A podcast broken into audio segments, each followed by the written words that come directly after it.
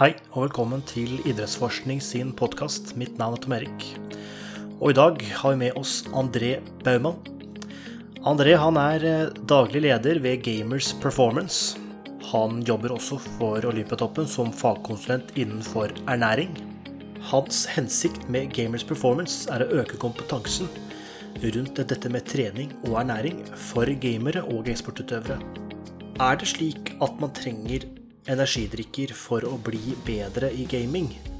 Og skal man spise noe annerledes som e-sportutøver eller gamer enn f.eks. en utholdenhetsutøver som driver med langrenn eller svømming?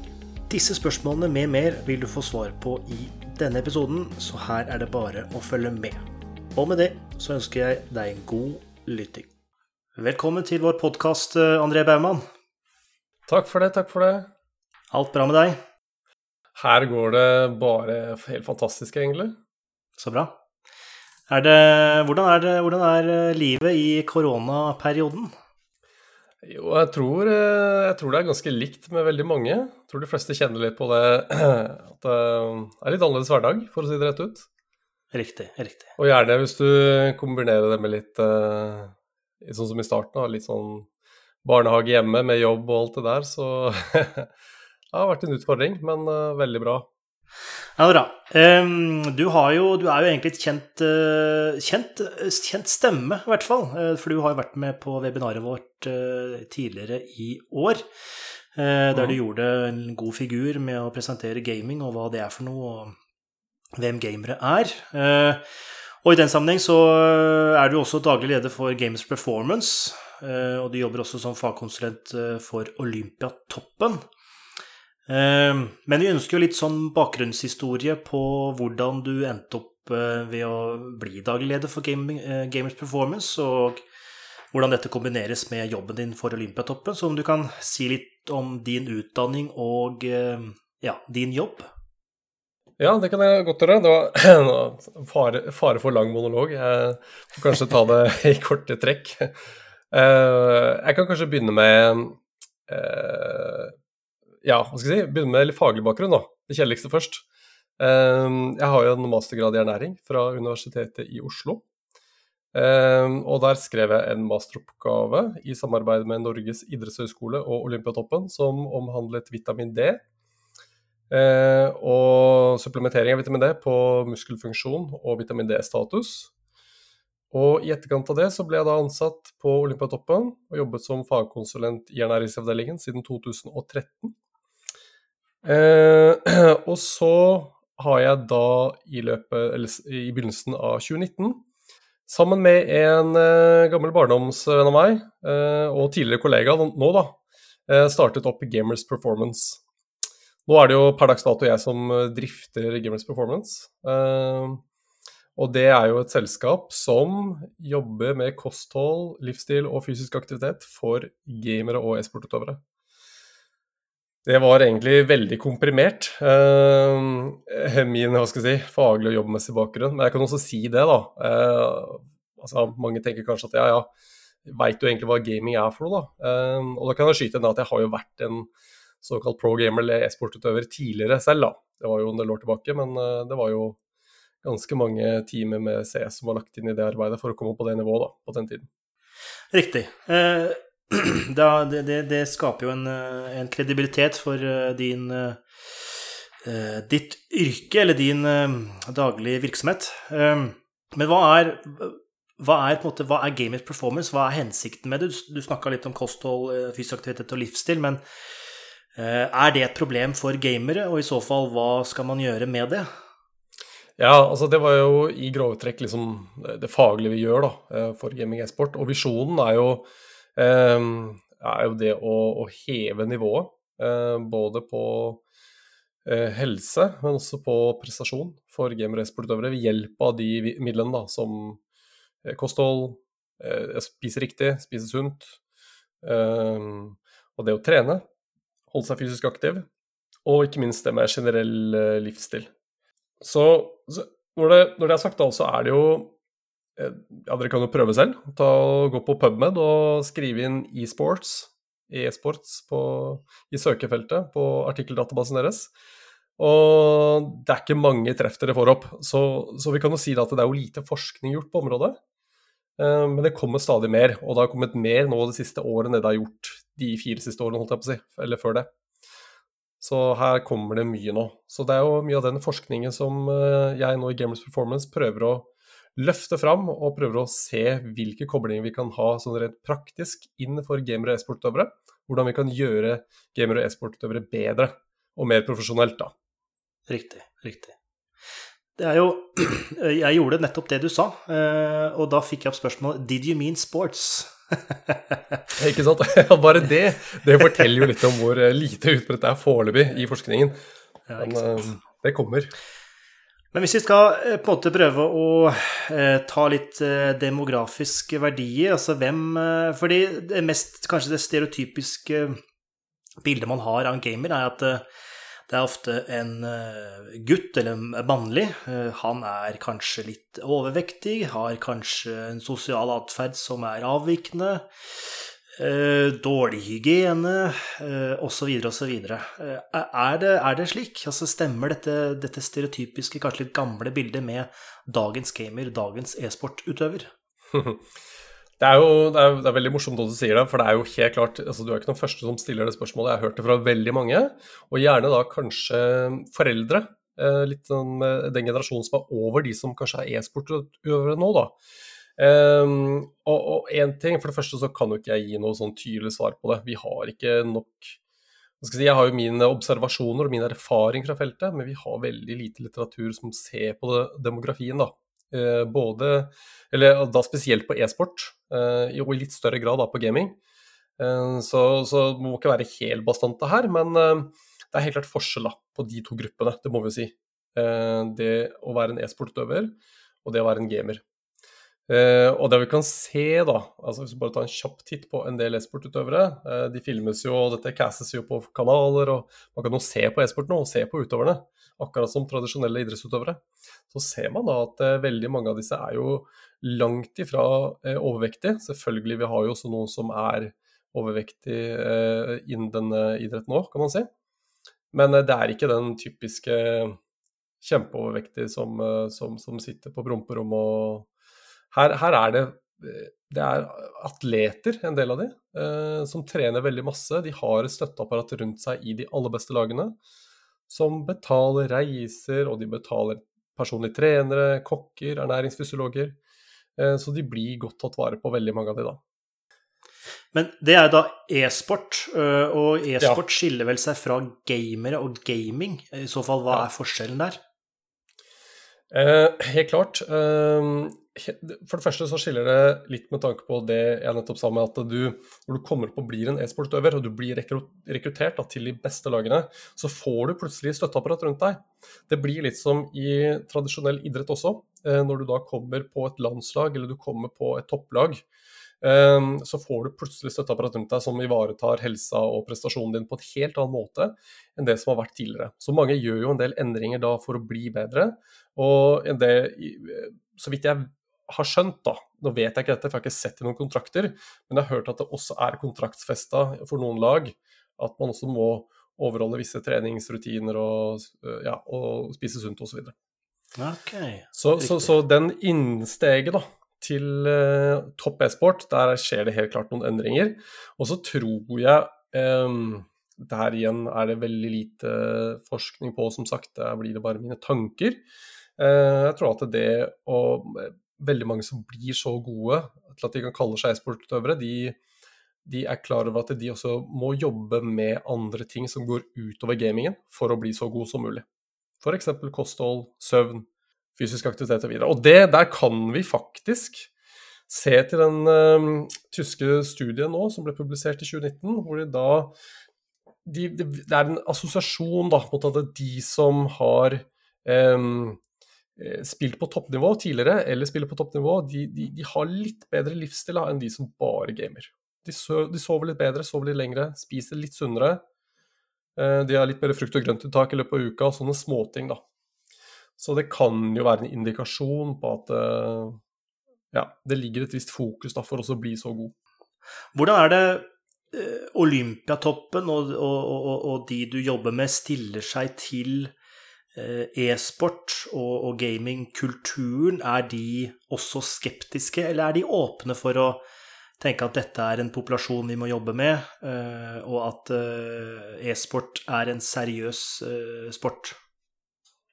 Eh, Olympiatoppen har jo ikke kommet med noen, eh, så vidt jeg vet, selvfølgelig, kommet med noen uttalelser i forbindelse med e-sport. Eh, så, så, så, så, jeg kjenner jo ikke til akkurat det. Eh, men IOC har jo tidligere vært i dialog med altså, eh, forskjellige e-sportaktører, og de ser jo i hvert fall på e-sport som inter et interessant fenomen. Eh, så det er jo ikke slik at det er Selvfølgelig det er også litt forskjell fra land til land. Jeg eh, husker ikke hvor det var idrettspresidenten i Tyskland som, eh, som, ikke var så veldig positiv til det, så jeg ikke husker helt feil av noen et års tid tilbake. Det var ganske krasse uttalelser om at e-sport eh, var absolutt ikke idrett, og dette her er jo bare tull og tøys. Men, men helt klart, så, så det, det, her går litt på forståelse for hva e-sport egentlig er. Og ja, jeg, jeg, tror det tar litt tid før dette kan eventuelt eh, etableres i eh, slike organer, da. Og det har vel vært noe, det har vært noe skjær i sjøen eh, for Norges e-sportforbund og Idrettsforbundet? Ja, jeg fikk med meg det. Det har jeg skjønt, at det ikke har vært helt god stemning, for å si det rett ut. Nei. Um, hva er, vet du noen detaljer rundt det? Altså, I så fall, eh, hvilken betydning har dette for e-sport fremover i Norge? Ja, det er jo veldig veldig interessant prosess. Jeg kjenner jo ikke til detaljer utom det som var publisert på eh, typiske gaming- og e-sport-nettsider, eh, nyhetssider, eh, og i sosiale medier. Men eh, ut fra det jeg har lest der, og, og, det jeg har forstått, så har det jo vært en liten krasj med, med Norges e-sportforbund når det gjelder da eh, et bettingselskap de har valgt å ta inn som en sponsor. Eh, et utenlandsk bettingselskap. Eh, og det går da på, på, tvers med Norges idrettsforbund, som har Norsk Tipping som sin hovedsponsor. Um, og først og fremst så syns jeg det er veldig trist. Det, det, det, var jo veldig dårlig timing. Nå er jo e-sport på vei opp, og endelig etter mange år i dvale så ble e-sportforbundet nå fyra opp igjen. Og så ser vi nå at det, det mister en del integritet, da. Blant, eller i, i det norske miljøet, og det er veldig synd. Så jeg, jeg, jeg tror nok eh, Jeg tenker jo da at det hadde vært positivt eh, å få Jeg sier ikke at det er nødvendig, men det kanskje kunne vært positivt å få e-sport inn i Norges idrettsforbund med tanke på den erfaringen og det nettverket som Idrettsforbundet da kan bidra med til å eh, fremme bredden på e-sport i Norge. Og gjøre det mer allment akseptert og godtatt i større grad. Um, og åpna en del dører der, da. Mm. Og eh, som du sier, at eh, nettverk er for, eh, nettverket rundt seg er viktig for en e-sportutøver, fordi e-sportutøveren ser ut til å ha litt sunnere vaner enn en hobbygamer.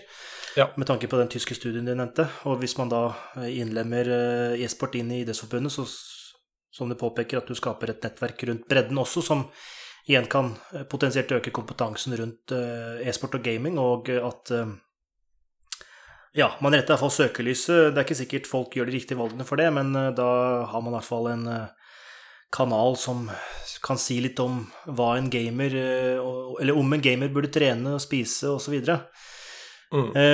Men før vi kommer dit, så var det en jeg tror det var en minidokumentar lagd av Nike som fokuserte på et e-sportlag, et asiatisk e-sportlag, mulig det var Sør-Korea.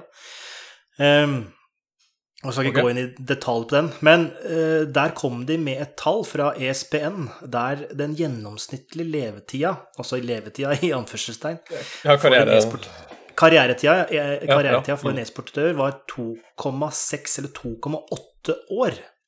Mm. Eh, har du noen erfaringer med hvor lenge en utøver holder på, og hvorfor er det såpass kort? Uh, det, veldig, det, tror jeg er veldig multifaktorelt, for det første. Men jeg tror det er noen ting som går igjen hos enhver utøver som ikke har en lengre karriere, i hvert fall. Det er jeg helt sikker på. Uh, jeg kan da ta fra mitt synspunkt når det kommer til det med livsstil først. I hvert fall. Jeg vet det er mange andre ting som også påvirker. Men eh, vi ser jo det at det er en del eh, ska, altså skadeprevalens, rett og slett skade eller smerter, for e-sportutøvere eller gamere som spiller fryktelig mye per dag. Der har vi faktisk én studie fra De Francisco eh, fra USA som ser på tier 1, altså toppspillere da, i USA. Um, og da var det 60 spillere de så på, og ut fra de 60, eller ca. 60 eh, spillerne, så rapporterte jo da eh, halvparten smerter i, eh, i rygg og nakke. Eh, ca. halvparten, og ca. halvparten hadde også eh, øyeutmattelser, og en tredjedel da finger- og håndledd- og håndsmerter.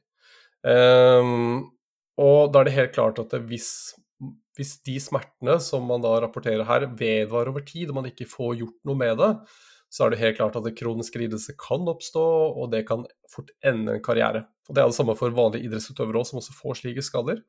Hvis man ikke tar i tur med å gjøre noe med det, så kan jo det eh, gjøre kort prosess på en slik karriere. da. I hvert fall i e-sport, hvor det eneste hva skal si, det fysiske du bruker, det er jo øynene og, og hendene altså fingrene. Så, så, så, helt klart at det kan jo ha noe å si, da. Så er det jo veldig tøft, da. For å henge med i toppen så krever det jo da veldig mange spill at du spiller 10-14 timer om dagen. Eller kanskje 8-14. Alt eh, avhengig av hvilke spill man spiller. Og det rapporterte du også i den studien, hvor det da var 5-10 timer hver dag at eh, disse utøverne spilte. Eh, og det sier seg selv at det setter jo ekstreme krav eh, til å kunne eller hvor lenge du klarer å holde på, rett og slett. Uten at det går utover helse og, og andre ting. Men tr tror du at man kan redusere treningsvolumet, eh, eller erstatte treningsvolumet med noe annet, men fortsatt opprettholde prestasjonen? For det er jo det som, mm. det er, det som er hovedhensikten der. De, de, trener jo såpass mye fordi de må opprettholde prestasjonen sin. Ja. Men kan man gjøre noe grep innenfor der, slik at uh, de holder lengre, men samtidig er like gode eller bedre? Mm. Um, det er veldig spennende. Akkurat det syns jeg er utrolig spennende. Og der uh, vet vi jo veldig, veldig, veldig, lite, da. Men det første jeg tror alle gamer- og e-sportutøvere, det første spørsmålet de må stille seg selv, er um, får jeg noe ut av å spille mer? Uh, det vil si at man kanskje fokuserer på kvalitet over kvantitet. Når man, man kan jo bruke Altså, man sier jo det at når man har holdt på x antall tusen timer med en aktivitet, så er det begrensa hvor mye bedre du kan bli. Eh, sammen med eh, type styrketrening. Du når ditt genetiske potensial etter noen år, og så er det svært lite muskelmasse du klarer å legge på deg etter hvert. ikke sant? Og da er det jo kanskje snakk om for disse e-sportutøverne å klare å vedlikeholde det nivået de er på, med den minste mengden trening de, eh, de kan ha, og jobbe med andre ting hvor de kanskje kan hente større prestasjon eller helseeffekt ved siden av. Så det er jo kanskje der jeg ser det kommer etter hvert, at man fokuserer på mer kvalitet over kvantitet. Å sitte og scrimme eller bare eh, public-spille, altså spille mot tilfeldige folk i flere timer eh, dag etter dag, det, gir egentlig ikke noe kvalitet når du kommer på et visst nivå, etter min mening da, og min erfaring. Riktig. Mm. Mm. Det er et godt, godt poeng. Eh, fordi eh, Nå tok jeg bare og regna litt eh, på Dersom man spiller 14 timer eh, hver dag eh, i sju dager i uka, 52 uker i året, så er man oppe på 5000 timer. Mm. Og en toppidrettsutøver har vel rundt en uh, 1000 timer med trening, tror jeg. Mm. I hvert fall pluss-minus, avhengig av idrett. Og da Ja. Man begynner jo å tenke at eh, er det et maksvolum med tanke på timer når du er idrettsutøver? Og det er jo ikke rart da at eh, disse e-sportutøverne bruker disse timene opp veldig raskt, og dermed holder eh, mm. kortere. Dette blir jo rent eh, eh Hva skal jeg si anekdo... Eller eh, teoretisk, selvfølgelig, men Ja, ja. Jeg skjønner tanken. Være, mm, så jeg er jo helt enig i denne kvalitetstanken. Ja, altså, og du går litt på det med akkurat det du sier der, da. Da er du inne på én ting som jeg tror kommer veldig kjapt inn, og hvorfor et veldig, et veldig god rød tråd, hvorfor karrieren er så korte da, for e-sportutøverne. Og det går jo på det med utbrenthet. fordi når du klokker så mange tusen timer i år etter år, så, så, så er det begrensa hvor mye du orker å fortsette, rett og slett. altså. I hvert fall hvis du er eh, ja, normalt oppegående menneske, rett og slett. Så på toppen av dette kommer ergonomi og stille, altså hvordan man sitter. og Sitter man dårlig i to-tre år og spiller, så kommer disse skadene og problematikken etter hvert Også. Så det er jo ja, her er det mange ting som påvirker. Mm.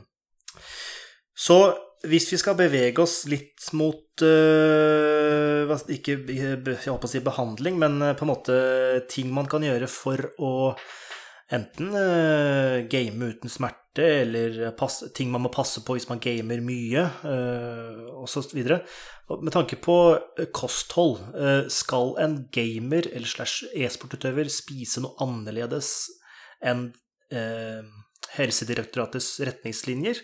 Skal de spise mer karbohydrater, eller skal de spise mer fett? Er det noe eh, differensiering der med tanke på kosthold?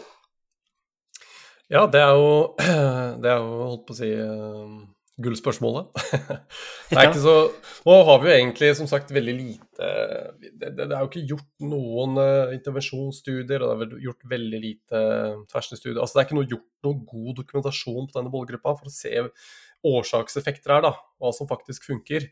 Eh, men med min erfaring da, innen idrett spesielt, og med tanke på hvordan jeg selv eh, opplevde, og hvordan jeg ser e-sportutøverne eh, konkurrere nå til dags, så, så, vi, så, er det alltid mitt utgangspunkt det er jo da å basere seg på kostholdsrådene fra Helsedirektoratet som nummer én, at man har det i bunnen.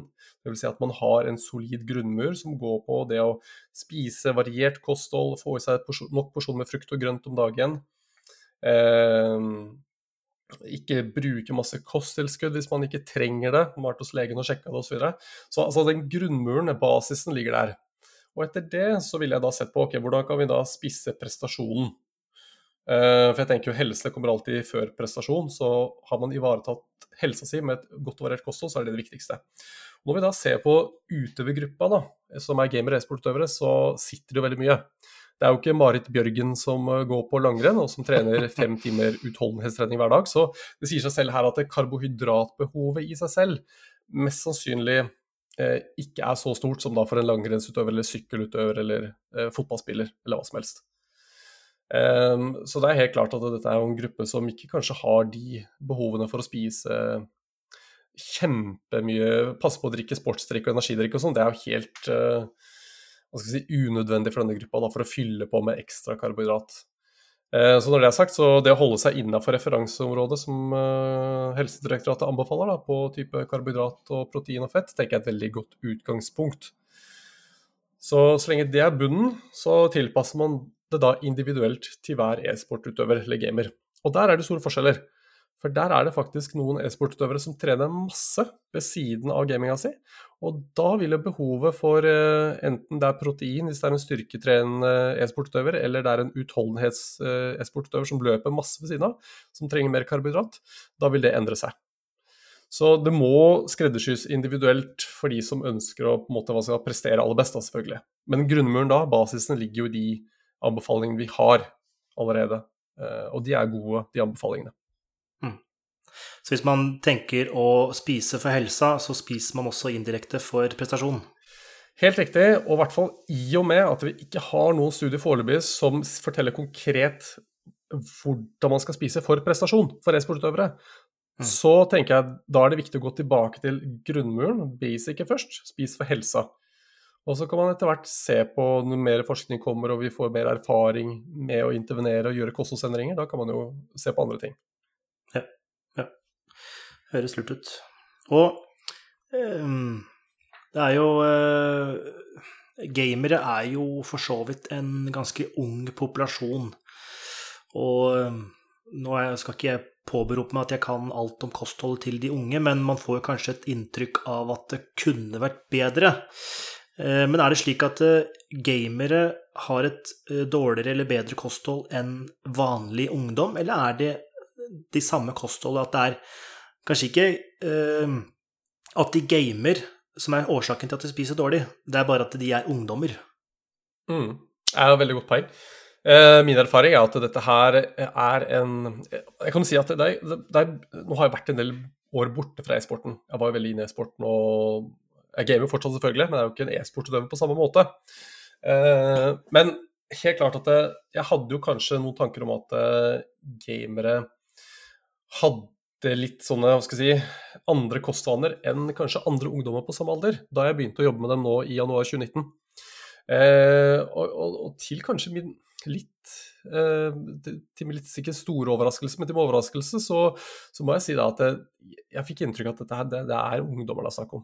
Rett og slett. Av denne yngre gamergruppa. Og det er et kosthold som veldig mange andre ungdommer har. I større eller mindre grad. Den eneste forskjellen går eh, på energidrikk eh, og energidrikkprodukter, altså i den kategorien. Og der er det faktisk eh, også kommet ut nå en studie over i 2020. Eh, husker det var, det ble publisert her i Norge, en norsk studie, som så på det med at økt databruk blant unge også gir en assosiasjon for høyere inntak av energidrikk. Og det stemmer litt overens med min erfaring og mine observasjoner eh, etter å ha vært og snakka på folkehøyskoler og jobbet litt med e-sportlag så ser jeg at det er eh, helt klart et større inntak. Og det er jo En grunn til det, tror jeg, er helt klart promoteringen og den etablerte kulturen av energidrikk i gaming. Og den går langt tilbake i tid. Men er det pga. sponsorer som er inne og sponser mm. e-sportarrangement, eller er det andre ting? Ja, det er én eh, stor årsak. En annen stor årsak er influensere. eh, som, som, promoterer visse slike energidrikkeprodukter. For eksempel så har vi jo vi har Red Bull og Monster og disse store. De, jo, de har jo egne e-sportlag de sponser, og de er veldig aktive på sosiale medier i forbindelse med gaming. Og de sponser eh, et spesielt merke som heter G-Fuel, som sikkert flere som hører på, har hørt om. eh, de er veldig store. Og de sponser jo Blast Series, bl.a., som er den største CS-major-turneringa. Eh, eh, og de sponser flere topplag, eh, så, så, de er veldig store. Kjempestore i e-sport. Og de har også brukt influensere som PewDiePie, KSI, altså de store, store youtuberne, all verdens største, til å promotere sine produkter. Og når du har et så stort nettverk du når ut til, i en kultur som allerede er eksponert og har tradisjon for å bruke slike produkter, så er det veldig lett å penetrere markedet, tenker jeg. Og, og de får en god grobunn, da. Så det er det eneste jeg ser som er, eh, skiller seg fra andre ungdommer. Mm. Men er det uh, Er det noe hensikt å drikke energidrikk uh, for å bli bedre i gaming? ja, det er jo tusendollarspørsmålet. ja. Uh, Eh, det er veldig morsomt eh, å, å, å, diskutere energidrikk, og det kunne vi sikkert ja, det kunne sikkert snakka en hel dag om det. Men eh, for, for, å gjøre det veldig kort, da, så flere som hører på ikke kjenner til energidrikk, så inneholder de aller fleste energidrikkene inneholder litt forskjellige B-vitaminer. Taurin kan inneholde ja, litt forskjellig fra produsent til produsent, men alle inneholder i hvert fall koffein. Um, og Hvis dere da går på energidrikkprodusentene sine hjemmesider, f.eks. Red Bull, så snakker de jo generelt om at B-vitaminer de er med på å fremme kognitiv prestasjon osv. Men de snakker aldri noe om ekstra tilførsel i B-vitamin altså som supplement eh, over anbefalt daglig dose. Så med andre ord spiser du et vanlig kosthold, så tar du disse tilskuddet på toppen, så har det jo ingen effekt, da, kort fortalt. Det eneste som potensielt kan ha en effekt, det er koffein. Men der er det veldig lett at man får hva skal jeg si, eh, den motsatte effekten hvis man drikker for mye. Så det er jo faresonen her. at eh, For det første, vi vet jo ikke Det er jo en del studier på det med kognitiv prestasjon, altså hjernefunksjon. Og det er veldig viktig for gaming. Eh, og bruk av koffein. Men det er veldig ganske stor forskjell i hva de studiene viser om hvor god effekt det egentlig har. Så Per dags dato så anbefaler jeg jo ingen å bruke koffein som på stående fot, som et prestasjonsfremmende middel i det hele tatt. Og jeg ville heller si at vær forsiktig med inntaket av energidrikk eh, spesielt. Eh, for det er en cocktail av masse forskjellige ting. Eh, og i disse, noen av disse produktene, f.eks. G-Fuel, som er store slem, som jeg ville sagt, da, spesielt innen gaming og e-sport, så i én dose for det første så er det pulver, da. Du her kan du overdosere deg sjæl òg, hvis du ikke passer på. Men i én dose, altså én pulver, én pulverskje, så får du altså da eh, mellom 8 og 18 000 av anbefalt inntak av vitamin B6 i én dose. Oi. Ja, det er jo svimlende mengder. Det, det er med andre ord I én skje så får du 180 ganger, eller 1800 ganger er det vel uh, Nei, 180 ganger av det du egentlig skal ha per dag. Så det holder egentlig for 180 dager. du får en 180 dagers dose, da. Så det er jo helt unødvendig. Det er helt unødvendig. Så jeg kunne snakket mye om de negative effektene av dette her, men i veldig store doser så ser vi også at det er ungdommer som går i koma. Man kan dø av for høyt koffeininntak. Her kan man uh, bli skjelvende. Hvis man skjelver på fingrene, så klarer man ikke å spille ikke sant? hvis man tar for mye koffein. Uh, og så kan også ha nerveforstyrrende effekter i for høye doser av visse B-vitaminer. Så her bør man absolutt være forsiktig med det man uh, drikker og inntar, i hvert fall i store mengder. Hva er vanlig inntak hos en ungdom med tanke på altså hvor mange gram, ikke gram kanskje, men milligram koffein får man i snitt i seg, tror du? Eller vet du? Det, vet jeg faktisk ikke. Eh, det, ligger sikkert eh, publisert noe som går på enheter, i hvert fall. Jeg er litt usikker på om de har kartlagt milligram, og så er det helt klart forskjell på voksne og barn her. Men eh, for barn så er det jo inntil 3 mg per kilo kroppsvekt, som er, som er en farlig dose, kan vi si. da. Og så vil jo si da, for har du en gutt eller jente på 14 år som veier 50 kilo, så er én Red Bull, én halvliters Red Bull, det er nok til at den, det individet kan reagere negativt. Så her skal det ikke mer enn én en enhet med energidrikk før det kan få negative konsekvenser. Og så vet man heller ikke, dette er jo veldig individbestemt òg, eh, hvordan man eh, behandler koffein, eh, eller metaboliserer koffein i kroppen, og det er veldig individforskjellig, det òg. Så noen kan reagere dårlig på den samme dosen som noen andre ikke reagerer på. Og det vet man jo ikke før man prøver, ikke sant. Så her må man være litt forsiktig. Og hvis man tenker litt, eller i hvert fall ut fra min egen erfaring, så blir det mer gaming på kveldene enn på dagen fordi man jobber eller har vært student eller hva som helst. Eh, og, og kombinere da koffein med nær, nær leggetid, eh, og når man da har en halveringseffekt på koffein på ja, det er sju timer eller eh, et eller annet, eh, så er jo det veldig uheldig for søvnen. Og igjen da eh, prestasjonen, om det skal være skole dagen etterpå eller fotballkamp eller hva det måtte være. Mm. Helt klart. Helt klart. Det er jo en kjempeutfordring. Jeg ha, eh, ha, hadde en, eh, har en kompis som eh, faktisk sendte meg en snap i går, der han hadde tatt, tatt til innkjøp av et ja, jeg vet ikke hva det kalles, men det er jo pre-workout. Men det er jo, jo pre-gaming-workout, eller jeg vet ikke hva det kalles. Men det var et svensk, svensk selskap som heter Naue, eller Nunue, eller noe. Har du hørt om det? Det hørtes kjent ut, uh, men ja. Uh, ja. Egentlig ikke viktig, men uh, Og så gikk jeg da De hadde jo en side, og, og de hadde da en fane som het What does the science say? tenkte jeg, å, skal jeg, her mm. må jeg inn og kikke litt.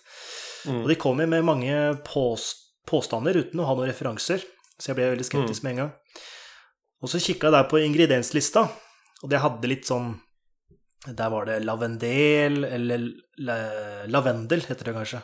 Ja, lavendel ja. og, eh, og eh, en eller annen aminosyre som var veldig vanlig grønn te, osv. osv. Og så gikk jeg inn på examine.com, du er sikkert mm. Eh, klar over mm. den nettsida. Uh, bare for å se på effekten og hva slags effekt det har i forskningssammenheng. Og de fleste, de fleste ingrediensene har en beroligende effekt. Så tenker jeg, eh, er det det du ønsker før du skal game? Eh, så for meg så var det litt sånn eh, et paradoks at dette er viktig for en utøver. Altså beroligende søvne Om det var om det, suppression of melatonin eller ja, Nei, ikke suppression, Søvn. men økning i melatonin. Ja, Så søvninduserende? Mm. Ja, så tenkte jeg dette var veldig spesielt. Altså, for det høres jo fancy ut, og de la frem noen tabeller og, og figurer og sånne ting. Så det så veldig proft ut, men så gikk man litt i sømmene på det. tenkte jeg hm, ja, jeg vet ikke. Nei, og det, sier, det, er veldig godt poeng, da. For her har du sikkert noen som eh, lager sin egen cocktail. Eh, og som du sier, så det er jo ikke noe god forskning på det. Og, og, her har de bare tatt kanskje ting som de som stikker fingeren litt i været. Bare lager seg en cocktail. da. Og det er jo dessverre tilfellet med veldig mange sånne pre-workout-tilskudd, spesielt de, da. Hvor det er feil doseringer og det er feil type ergogene stoffer i produktet. Um, og det bare makes ikke noe sens da, i forhold til det man egentlig ønsker å oppnå. Og det er litt av den røde tråden som også er med en del av de produktene for gaming, da, hvor det er tilsatt veldig mye av en ting som egentlig ikke har noen effekt. da. Mm. Det er uh, rett og slett uh, ja, saft. Saft med ingredienser. Helt klart, Jeg kan skyte inn to ting i tillegg som jeg ikke har fått nevnt, men som er veldig viktige. Som jeg tenker man bør ha litt i baktankene. Uh, mm. Det første er jo det med tannemalje på alle disse produktene her. Eh, energidrikk veld, har veldig lav pH, veldig acidic og veldig surt. Så det kan påvirke tannemalje negativt og, og, ved et jevnt inntak over lang tid. Samme som brus. Så, så det er absolutt uh, noe man bør tenke på. Og det andre er jo rett og slett dopingrisiko, i hvert fall inn i gaming e-sport. Når da WADA eller et annet uh, kontrollorgan eventuelt kommer inn i e-sporten når det blir enda mer profesjonelt, og utøverne da testes. Da tipper jeg det kommer til å renne inn doping, positive dopingtester. Det er jeg helt sikker på. Mm. Så man bør være litt varsom. Mm. Uh, greit. Dette med trening og, og, dette med fysisk aktivitet og uh, du snakka litt om uh, hvordan kostholdet ditt burde kanskje endre seg bitte litt med tanke på hva du utøver utenfor e-sporten eller gaminga, om det er utholdenhet eller styrke, med tanke på karbo-proteininnhold. Men når det kommer til trening, er det, noe, er det noe spesifikk trening som fungerer bedre enn andre ting, eller er det at man burde ivareta både eh, sirkulasjonssystemet med tanke på lunge-hjerte, eh, som kanskje kan påvirke hjernens kapasitet til å jobbe, eh, men også eh, det muskulære systemet med tanke på nakke, rygg, eh, som du nevnte, kan bli ja, vonde deler i kroppen i løpet av mye gaming. Mm. Det er et veldig godt spørsmål. Igjen så her har vi ikke noe data å forholde oss til.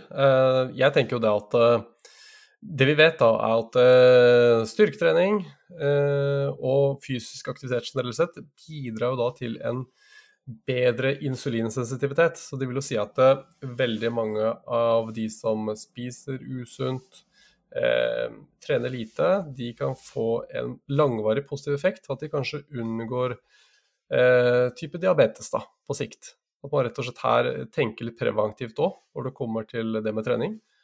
Eh, jeg vet at det er kanskje ikke det som motiverer aller mest når jeg snakker med unge folk. Kommer der til 18-åringen og sier at de må passe på så de ikke får kreft og diabetes om 20 år. Eh, men, men, men, men det er tida løper fort, for, for, det første. Og man skal gjerne ha en karriere eller et liv etter endt e-sportkarriere òg. Så jeg tror det er lurt å fokusere på det som kan bidra til en god helse på sikt. Da. Og der er det god dokumentasjon på hva fysisk aktivitet og trening kan bidra med. Eh, så er det jo også slik at det å styrke muskulaturen, da, trene styrketrening, eh, kan kanskje bidra til å eh, redusere potensielle overbelastninger eller, eller, skader. Og her er det jo, det blir bare min synsing, kan du si. Men det å ha eh, god støttemuskulatur i rygg og nakke, skulderledd, kan kanskje hjelpe til at man da eh, ikke får så mye smerter og problemer etter hvert. da, Hvis man trener riktig, selvfølgelig. Um, så det, det, er veldig spennende felt, og det kommer til å komme, her tror jeg det kommer til å komme mer um, intervensjonsstudier etter hvert som tester spesifikke øvelser på e-sportutøvere og ser liksom på liksom, kontrollgruppe kontra en intervensjonsgruppe og ser om det er noen forskjeller her. Da. Det er jo kanskje det som er spennende. Fordi én ting som kanskje man, eller som man tror har en sammenheng eh, for de som gamer mye av e-sportutøvere, er jo karpal tunnelsyndrom hvor du har den eh, ekstreme belastningslidelsen i håndleddet. Eh, og det er jo noe som eh, jeg har snakket Det er morsomt, jeg har vært på mange folkehøyskoler og snakka, og nesten hver gang jeg har vært her, så er det én person i klassen som kommer til meg, enten rekker opp hånda hvis jeg spør, eller kommer opp etterkant liksom Du, eh, jeg har litt vondt i håndleddet. jeg har fart hos legen, jeg har fått karpal tunnelsyndrom, liksom. Uh, ja. Så det har vært et tilfelle, og, og, bare den erfaringen der da tilsier at ok, det er kanskje ikke veldig godt dokumentert ennå, men hmm, her bør man følge litt med. da. Men er det det som er kjent som datamus? Eller nei, datamus ja, eh, eh, Dataarm? ja, dataarm, ja. Eller musarm, heter det kanskje. Ja, musarm, ja. Nei, jeg tror det er litt forskjellige, litt, litt forskjellige caser. Her har vi her, her, har vi en veldig lokal, veldig hissig betennelse som ligger nede ved håndleddet, mens musarm ofte er assosiert med f.eks. problemer i skulderområdet. Så, men det, det, er flere ting her eh, som, som, man kan være utsatt for da, eh, når man er en såkalt e-sport-utøver. Eh, og mange av problemene ligger jo ikke bare lokalt i håndledd, men det kan være i albue, som sagt, hvis det er, eh, eller eh, noen type musarm-ish, at det ligger høyere opp da, i leddet, eller at det ligger mer eh, lokalt. Så det blir albue er én ting, eh, håndledd er en annen ting. Nakke blir jo én ting, ikke sant. Så ja. Mm. Men er det noen forskjell på skadevirksomhet eller skadeomfang eh, mellom PC-gamere og konsollgamere? Fordi jeg gamer jo konsoll eh, fordi jeg føler at når jeg prøvde å spille PubG på PC, så har ikke jeg eh, Altså, jeg har ikke god nok fingerkontroll til å trykke på de eh, knappene som skal trykkes på i rett tidspunkt, eller raskt tidspunkt. Så, og da er jo ofte, ofte albuene litt høyere opp enn man kanskje har ved konsollgaming, men er det noe Jeg føler at eh, jeg kan slappe mer av og kanskje ikke få så mange skader ved konsoll versus eh, PC. Er det, er det noe hold i det? Eh, det, det, vet jeg faktisk ikke, men jeg kan, jeg kan jo se det for meg. At man mm. sitter mer komfortabelt som en konsollgamer. Og man har større rom for variasjon i positur. Ja, ikke sant. Mm. Ikke sant? Man kan ha mulighet til å endre posisjonen sin, og det med å sitte statisk over lang tid, det er jo noe som kan gjøre belastnings... Altså at man får belastningslidelser, eller gjør det verre. Så når man sitter på PC og gamer, og det er veldig intenst over lange perioder, så har man en tendens til å egentlig bare sitte i samme posisjon veldig lenge. Og det er jo noe som er ugunstig. Så en konsollspiller kan jo da liksom lene seg litt fram og tilbake, vugge seg fra side til side, eh, og fortsatt få litt, som litt bevegelse, da og klare å prestere og klare å game. Men er det, noe, er det noe grep en gamer eller e-sportutøver burde gjøre eh, underveis i økta si? Altså burde man da, hvis man spiller eh, et skytespill, f.eks. Call of Duty, og har blitt nevnt av Matthew, eh, burde man gå opp og gå, et, gå litt mens man loader ny runde? Ja, altså helt klart at uh, man får uh, litt sirkulasjon i blodomløpet. Uh, og kanskje altså Som sagt, hvis vi går tilbake til den studien med, fra Di Francisco et al. i USA og ser litt på hvor var smerte eller skade eller ubehagprevalensen. Det lå helt klart halvparten, Over halvparten hadde jo øyeplager. Så det å flytte blikket og fokusere litt og ta seg pause og titte bort fra skjermen når man har mulighet til det, det er jo noe man gjør, burde gjøre. Uh, og bare at man gjør det, så vil man da i tillegg bevege kroppen. Så i hvert fall begynne å tenke på at ok, nummer én, flytte blikket fra skjermen. Allerede da så har man ikke bare flytta blikket, men man har også bevegd og brukt muskulaturen. Og da kan man i samme slengen f.eks. gjøre noen armrotasjoner, strekke litt på underarmene. Altså bare generell bevegelse. Uh, og så får man heller legge ordentlig trening til lange pauser. For det er urealistisk å anbefale en gamer eller en e-sportutøver midt i en tre timers scrim å legge inn en treningsøkt. Det går ikke. Nei, nei. så da får de heller ta seg noen rundkast med armene når de går og henter seg vann på kjøkkenet f.eks., eller noe sånt. Uh, da kan man gjøre litt sånne ting, da. Eh, men når, når, du er ute og, og har forelesning eller prater med disse ungdommene, hvor mottakelig er de for både kostholdsrådene og disse treningsrådene, blir det Altså, hvor, hvor, eller vet du om det blir fulgt opp? Blir det en endring i eh, deres hverdag med tanke på de tingene? Ja, det er veldig, veldig spennende. Ehm, jeg opplever, jeg får jo veldig mye spørsmål. Eh, jeg har jo eh, vært på en del eh, folkehøyskoler som har e-sportlinjer. Og så har jeg vært på noen videregående skoler og, og snakket med e-sportlinjene der. Uh, og jeg opplever jo et veldig stort engasjement og veldig mye spørsmål uh, de gangene jeg er på besøk. Så det syns jeg er positivt. Det virker som det absolutt er en interesse der. Uh, og så har jeg da snakket litt, hatt litt dialog med e-sport-linjelærerne i etterkant, og de opplever at i hvert fall noen av studentene tar ordentlig tak, og de ser endringer. Om det skyldes meg, det er vel kanskje vet, vet, ikke om det bare er det, for e-sport-linjelærerne gjør jo en kjempejobb i å da eh, Eh, bygge opp disse e-sportutøverne som går på linjen deres, veldig positivt. Mm. Så, men uansett så er det positivt å høre at det, det, kanskje har skjedd noen endringer, da. Um, Og det store engasjementet syns jeg jo er veldig bra. og det, det er jo et godt tegn, tenker jeg, da. Så vi får bare håpe at de har tatt med seg noe videre. Mm, mm. Eh, det, det, det, får vi absolutt håpe.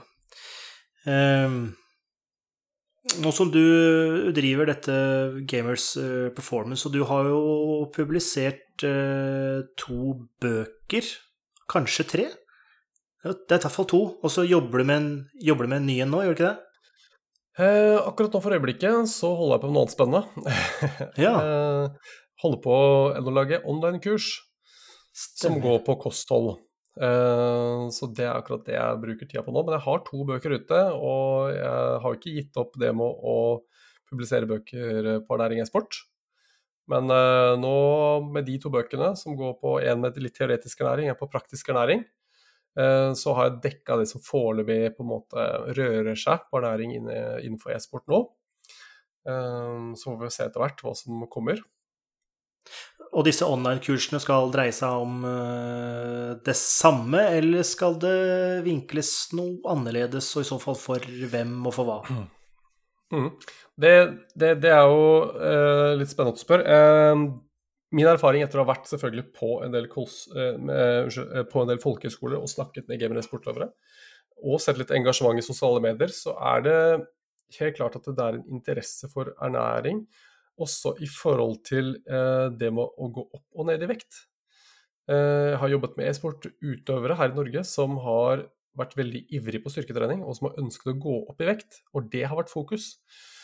Så, og tilsvarende også så er det noen som har tatt kontakt med meg med ønske om å gå ned i vekt. Så det er begge deler. Um, og det er jo Det med helse er jo kjempeviktig å ha i bånd som en e-sportutøver. Så i hvert fall det å gå ned i vekt hvis man har en kraftig overvekt eller er, eh, har en grad av fedme, så kan jo det være positivt for helsa. Så jeg ønsker også å kunne bidra litt utenfor bare det med ren ernæringsprestasjon. Eh, for der har vi jo veldig lite dokumentasjon ennå. Men eh, det med å, å, å føle seg bra og ha, ha liksom selvtillit, det er altså et veldig viktig aspekt med det med å være en gamer-sportsutøver. Det å ha selvtillit når du kommer inn i match, og det kan jo da relateres til det med at man er fornøyd med kroppen sin, man har det bra med seg sjæl eh, osv. Så, jeg jobber litt med det også. Så de kursene jeg har nå, er jo hovedsakelig nå på vektregulering, eh, ned i vekt. Så kommer det andre kurset, det holder på å bli publisert, lastet opp eller bli godkjent nå. Det kommer opp i løpet av uken. Så, og etter det så kommer det også et kurs som går på ren e-sporternæring i etterkant. Ja. ja. Ja, men det blir spennende. Jeg har jo sett at du har Uh, lagt ut et par treningsvideoer på YouTube-kanalen, Gamers Performance. Ja, stemmer det. Det er vel for å ivareta helseaspektet både i den perioden vi er i nå, men også ja. det generelle eh, Helt klart. Mm, mm. Helt klart. Eh, og, og, som sagt, det blir jo mer for hva skal jeg si, det basice, helt grunnleggende. Ja. Har du noe um, hva er ideen med den YouTube-videoen fremover? Hva, hva, er det vi kan forvente av innhold der? Uh, YouTube er eh, De videoene som kommer der, det kommer til å bli i større grad fokus på det aller enkleste av grep man kan gjøre. Enten det er trening eller kosthold. Så det blir veldig lite av det avanserte. Det vil bli kortere snutter, men fokus da på Eh, enkle kostholdsgrep, f.eks. Eh, litt sånn praktiske ting man kan gjøre i hverdagen for å, å få et sunnere og bedre og prestasjonsfremmende kosthold. Så det blir ikke noe avanserte ting, det blir lavterskel og bare det å liksom komme i gang. Mm. Det tror jeg er fornuftig. Eh, eh, når du nevnte dette med når du er rundt og reiser og sånne ting, eh, og, og, og har innlegg eh, Hvordan er kjønnsfordelingen egentlig? Er det, er det kun gutter, eller er det jenter også? Nei, det er jenter også på, på, i disse e-sport-klassene. Det er det. Eh, hovedvekten er helt klart på gutter. Um, og der har vel linjelæreren litt mer statistikk, men det pleier å være én til to jenter i hvert kull, i hvert fall. Kan også kanskje være mer. Uh, mm. Har de noen andre utfordringer enn gutta, med tanke på om det vil være skader eller andre spørsmål som retter seg mot kosttilskudd, ernæring, trening? I bunn og grunn ikke. Eh, det som denne gruppa har en utfordring eh, på i forhold til det med gaming e-sport, er jo en stigmatisering. og det er jo kanskje den, den største greia som er i e-sport nå. Uh, hvor det kan være trakassering, blant annet. Og det er veldig trist, for dette er jo i prinsippet en sport, eller idrett, hva man skal kalle det, som, som jevnstiller da gutter og jenter. Her har begge kjønn mulighet til å konkurrere på likt grunnlag. Um, så lenge det er aksept for det, ikke sant. Uh, så, så, jeg håper at det er noe som Ja. Men, men uh, ja, det er artig at du nevner det, eller artig Interessant at du nevner det, men fordi når jeg ser Ikke at jeg ser så mye e-sport på toppnivå, men når jeg ofte ser bilder eller video, så er det ofte gutter som sitter på en rekke foran PC-skjermen. Men det mm. finnes vel sikkert også veldig gode jenter, antar jeg? Ja, Uh, det, absolutt, og det har vært mikslag med profesjonelle jentespillere og guttespillere i ett lag. Mm. Uh, men hovedtyngden i e-sport er jo helt klart at det er jo en guttedominert idrett uh, for øyeblikket. Men det er også egne jenteturneringer nå, og det er egne jentelag. som også har sponsorer, men helt klart, igjen, dette blir litt som guttefotball og jentefotball. guttefotballen er størst, for å si det sånn, og guttesporten er foreløpig størst. Så, men her er, har du ikke de fysiske barrierene, da eller kognitiv barrieren. Her er det i prinsippet likt, da. Mm, mm. Mm. Ja, hva, tenker du, hva tenker du jobben, eh, jobben er ved å fjerne dette stigmatiserende eller, eller dette stigma som eh, gamere har, og kanskje kvinnelig gamer i større grad enn mannlig gamer, hvis jeg skal anta noe? Ja. Mm. Nei, det Jeg tror det er viktig å i hvert fall nummer én å profesjonalisere gaming og e-sport til en viss grad. Altså ikke ta bort det særegne eh, som vi assosierer gaming med, men eh, det å gjøre det sunnere og tryggere å være en gamer- og e-sportutøver, det tror jeg er viktig. Og det må jo fasiliteres på mange plan. Skolene har gjort en veldig god jobb nå med å iverksette disse e-sportlinjene både på videregående, og ha det som, til, altså ha det som folkeskolevalg. Um, og det er jo kjempebra, det er å se i riktig retning. Uh, men også det å som sagt, få det inn i et forbund, eller få det organisert på en måte slik at det, her kan man tilby gaming og e-sport uh, noe, noe, sunt som kan dra det videre og heve nivået på det. Eh, og, og, og, det, og, det, tror jeg på sikt vil også gjøre at integriteten blir større. For eh, å gjøre det mer liksom ryddig, da, stuereint, kan vi si. For nå er det veldig mange Helt klart det er jo case med hvor folk eh, sitter bare og spiser junk og drikker energidrikk, og det er mange som gjør det. For det har vært en kultur. Kanskje ikke blant de aller beste utøverne, men det er helt klart en del av kulturen. Så det må få rydda litt opp i det. Få inn noen sunne sponsorer som også kan bidra være en motvekt da til disse mer usunne sponsorene, skal vi kalle det. Det tror jeg er uh, kjempeviktig. Mm. Og der blir jo ditt uh, arbeid uh, veldig sentralt. Å fortsette å promotere en sunn livsstil, selv om man sitter foran en PC-skjerm eller TV med, med tastatur eller kontroll i henda. Så det er absolutt viktig. Ja, noen må i hvert fall gjøre informasjonsarbeidet. For det handler mye om bevisstgjøring, helt klart. Det er mange som ikke er klar over det. Eh, og bare rett og slett kunnskapsformidling. Det er kanskje der det må begynne. Og så etter hvert, så når man får ballen til å rulle, så henger flere aktører seg på lasset. Mm, mm. Bra. Eh, vi eh, nærmer oss, nærmer oss, slutten. er det noe vi ikke har vært innom som du føler vi burde ta opp, eller snakke litt om? Jeg føler jeg har vært innom det aller, aller meste av det hva som er kjernevirksomheten i hva jeg gjør, og, og hva som uh, rører seg litt i miljøet. Så jeg syns det har vært veldig, veldig morsomt å få vært eh, med. Ja. Uh, og veien videre har du også nevnt litt med online kurs osv. Og, så videre, og litt YouTube-videoer. Men er det andre ting du også skal i gang med? Ja, jeg, nå er det bare å følge med på Instagrammen. For Insta og Twitter er det to, to viktige sosiale medier jeg er på, hvor jeg kommer med en del content. Og framover nå på Instagram så vil jeg også begynne å publisere mer infographics, som ah. er litt interessant for de som ønsker noen enkle, kjappe tips. Veldig lav terskel. Så, så, det er noe som vil komme der, da, i større grad. Så det kan være en sånn liten ting å følge med på. Ja, Det har jo blomstra veldig opp, dette med infografikk av norske aktører, og for så vidt internasjonale, som tar for seg studier. Mm. Og det er jo med å bidra og forenkler forskning, og det er jo noe vi eh, kanskje ikke har gjort på ganske lenge, men som vi starta, starta med. Eh, men eh, det er Mm. absolutt en eh, god vei å gå, eh, og, Mm. og viktig vei å gå. For å, for å nå Ja, de håper det unge. blir bra. Ja, det, det har jeg klokketro på. Bra. Ålreit. Da vil jeg takke deg for at du tok deg tida til å være gjest på vår podkast, André. Ja, bare hyggelig. Og utrolig kult å være med. Supert. Da vil jeg takke for at du tok deg tid til å høre, på. Håper du har fått en god del tips, eh, uavhengig om du, har, om du er gamer eller e-sportutøver, eller eh, er sånn som meg, sitter noen ganger i, i sofaen og, og trykker litt på Xbox-kontrollen. Eh, eller Matthew, som er toppatlet innenfor e-sport. Eh, I hvert fall, det var det for denne gang. Vi høres om litt.